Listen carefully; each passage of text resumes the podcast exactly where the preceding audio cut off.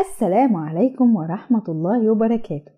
نداء لكل الماميز اللي أطفالهم بيعانوا من تأخر في النطق والكلام احذروا النصيحة دي لأنها أسوأ نصيحة على الإطلاق.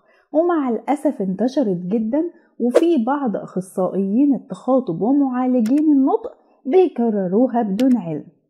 النصيحة المدمرة بتقول لما يجي طفلك يشاورلك ويقولك على حاجة بنطق غير واضح اعملي نفسك مش فاهماه عشان يتشجع إنه ينطق ويصلح طريقة كلامه مع الأسف تصرف زي ده ملوش أي فايدة إيجابية على الإطلاق وكل الأمهات اللي جربته تقدر تأكد كلامي الناس دي بتبقى معتقدة إن لما أقول للطفل الصغير ده لأ أنا مش فاهماك ومش هجيب لك اللي أنت عايزه لحد ما تقول اسمه هو كده هيحاول فعلا ينطق.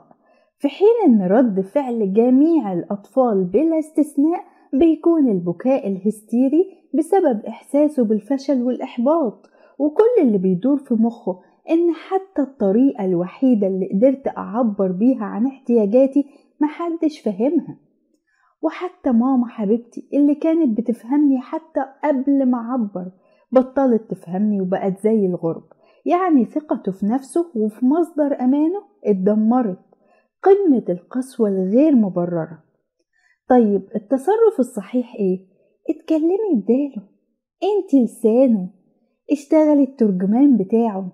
بيشاور على عصير وجنبه مية. أنت عطشان؟ عايز عصير ولا مية؟ هيشاور على العصير أنا عايز عصير. أنا بحب العصير. الله العصير لذيذ العصير طعمه حلو قوي.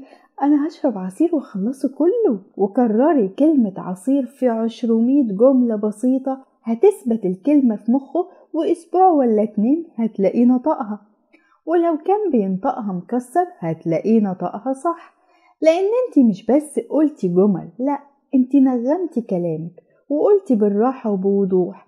فهيحس إن نطقك مختلف عنه ويقلدك. والله يا مامي لما هيلاقيكي فهمتي طريقته البسيطة اللي محدش بيفهمها غيرك بيفرح جدا وبيبقى متحمس لكل حاجة بتنطقيها لأنه عارف إن أنت لسانه وحاسة بيه وفهماه يعني كمان مجرد تعبيرك عن اللي جواه بيقوي الرابطة بينك وبينه وبيفتح مخه ويمهدلك الطريق تكبريه وتقويه.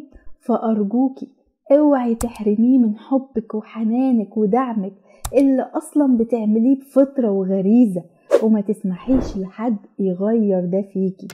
ما تنسوش تشوفوا فيديو تعليم الأطفال الكلام هتلاقوا الرابط في التعليقات وعلى القناة. دمتم في صحة وسعادة.